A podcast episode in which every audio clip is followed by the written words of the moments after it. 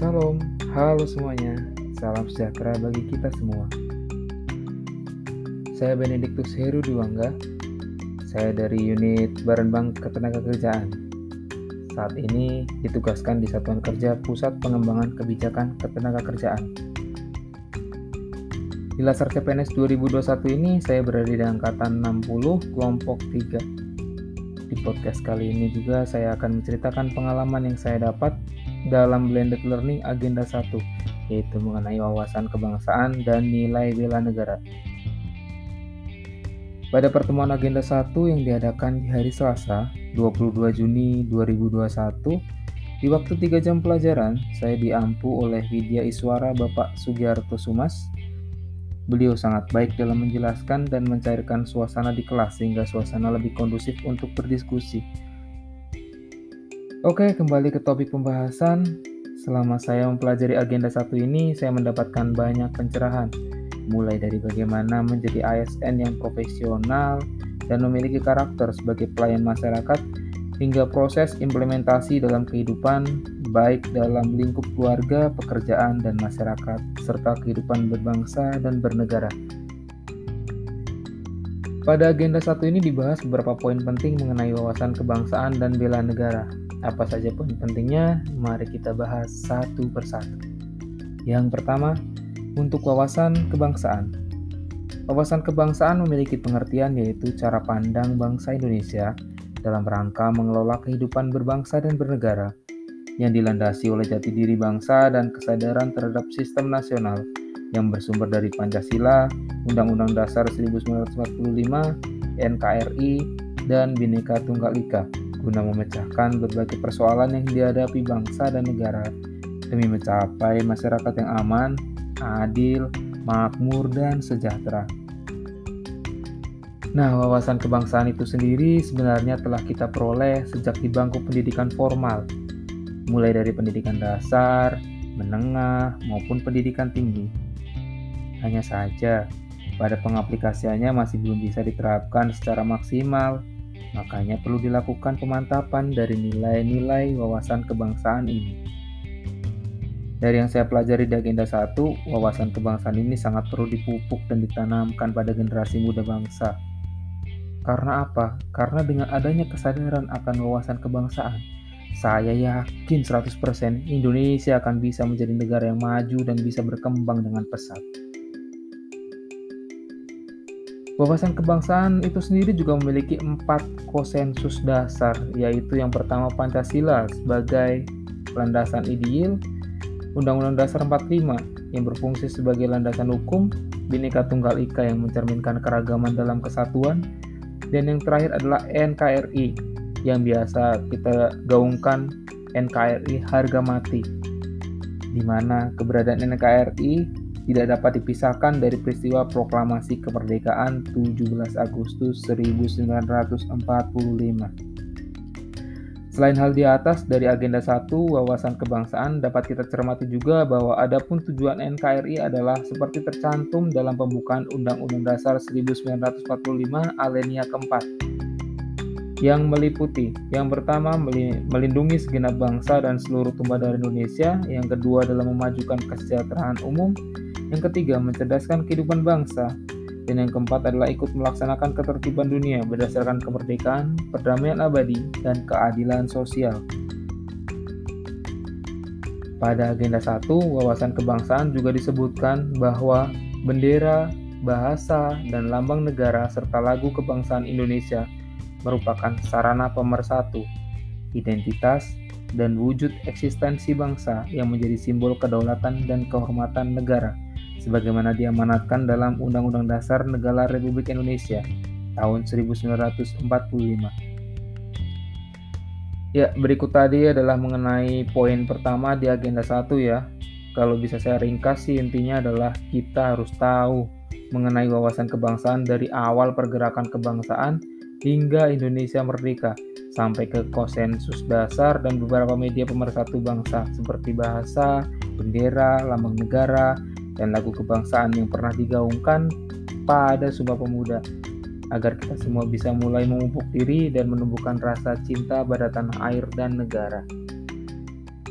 Oke teman-teman, sekarang kita beranjak ke poin kedua di agenda pertama, yaitu bela negara.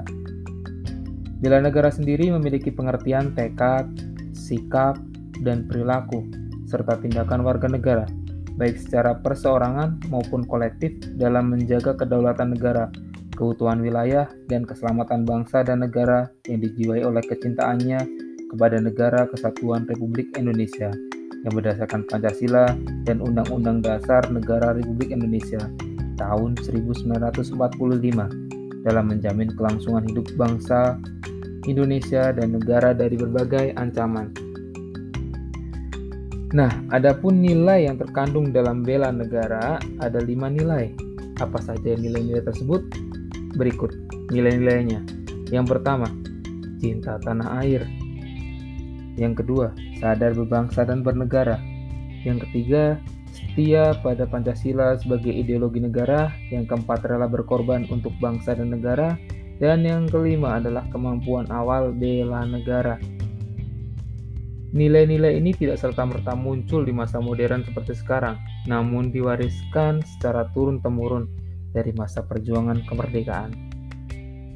Nilai-nilai ini tidak boleh hanya sebagai pengetahuan saja, tapi juga harus diterapkan dan diaktualisasikan agar lebih bisa melekat dalam kehidupan bermasyarakat, berbangsa, dan bernegara.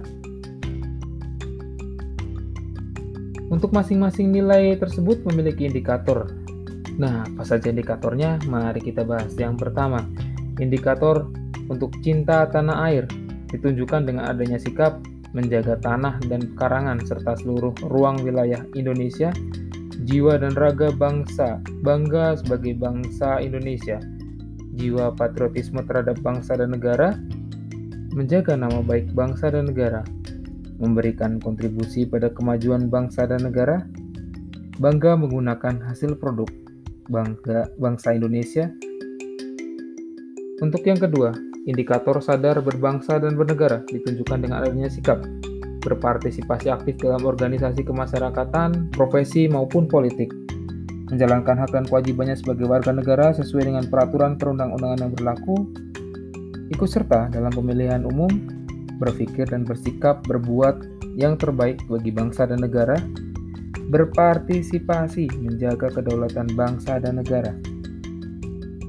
Yang ketiga, indikator setia pada Pancasila sebagai ideologi bangsa ditunjukkan dengan adanya sikap paham nilai-nilai dalam Pancasila, mengamalkan nilai-nilai Pancasila dalam kehidupan sehari-hari, menjadikan Pancasila sebagai pemersatu bangsa dan negara, senantiasa mengembangkan nilai-nilai Pancasila, yakin dan percaya bahwa Pancasila sebagai dasar negara.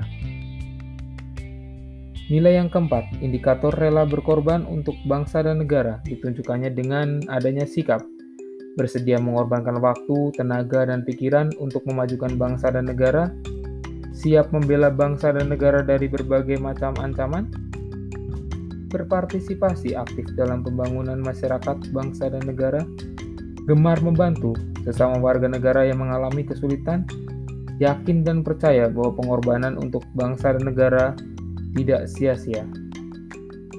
Nilai yang kelima, Indikator kemampuan awal bela negara ditunjukkan dengan adanya sikap, memiliki kecerdasan emosional dan spiritual, serta intelijensia yang bagus, senantiasa memelihara jiwa dan raga, senantiasa bersyukur, berdoa, dan menikmat atas kenikmatan yang telah diberikan oleh Tuhan Yang Maha Esa, gemar berolahraga, dan yang terakhir adalah senantiasa menjaga kesehatannya. Dari semua indikator di atas, ternyata bisa diterapkan dan diaktualisasikan dalam lingkup dunia kerja di PNS. Di antaranya, cinta tanah air bagi ASN bisa diaktualisasikan contohnya setia dengan mempertahankan Undang-Undang Dasar Negara Republik Indonesia serta pemerintahan yang sah. Terus, untuk yang poin kedua, kesadaran berbangsa dan bernegara bagi ASN bisa diaktualisasikan dengan menjalankan tugas secara profesional dan tidak berpihak. Terus, setia pada Pancasila sebagai ideologi negara bagi ASN bisa diaktualisasikan dengan sikap dan perilaku. Di antaranya adalah contohnya adalah memegang teguh ideologi Pancasila, dan menciptakan lingkungan kerja yang non-diskriminatif. Terus poin yang keempat adalah rela berkorban da, untuk bangsa dan negara bagi ASN diaktualisasikan dengan sikap dan perilaku antara lain. Contohnya adalah bersedia mengorbankan waktu, tenaga, pikiran untuk kemajuan bangsa dan negara sesuai tugas dan fungsi masing-masing. Untuk nilai yang kelima, kemampuan awal bela negara bagi ASN bisa diaktualisasikan dengan cara mengutamakan kepemimpinan yang berkualitas tinggi, ataupun juga bisa dengan memiliki kemampuan dalam melaksanakan kebijakan dan program pemerintah. Ya, menurut saya itu yang bisa saya dapatkan selama agenda 1 pembelajaran agenda 1 Lasar CPNS 2021 eh, yang diadakan di 22 Juni 2021. Sudah banyak sudah banyak hal yang saya dapatkan dari agenda satu ini bukan hanya teori tapi juga prakteknya. Dan menurut saya latar ini juga sungguh sangat berguna bagi saya pribadi karena selain saya mengerti teori, saya juga bisa melaksanakan simulasi dari teori yang saya dapatkan Ke depannya saya berharap saya bisa mengimplementasikannya ini semua dengan baik dan bisa menjadi PNS yang berintegrasi, profesional, dan berguna bagi masyarakat, berbangsa, dan negara. Amin. Sekian podcast dari saya. Eh, mohon maaf jika ada salah-salah kata dan semoga podcast ini berguna ke depannya. Terima kasih dan salam sehat sejahtera.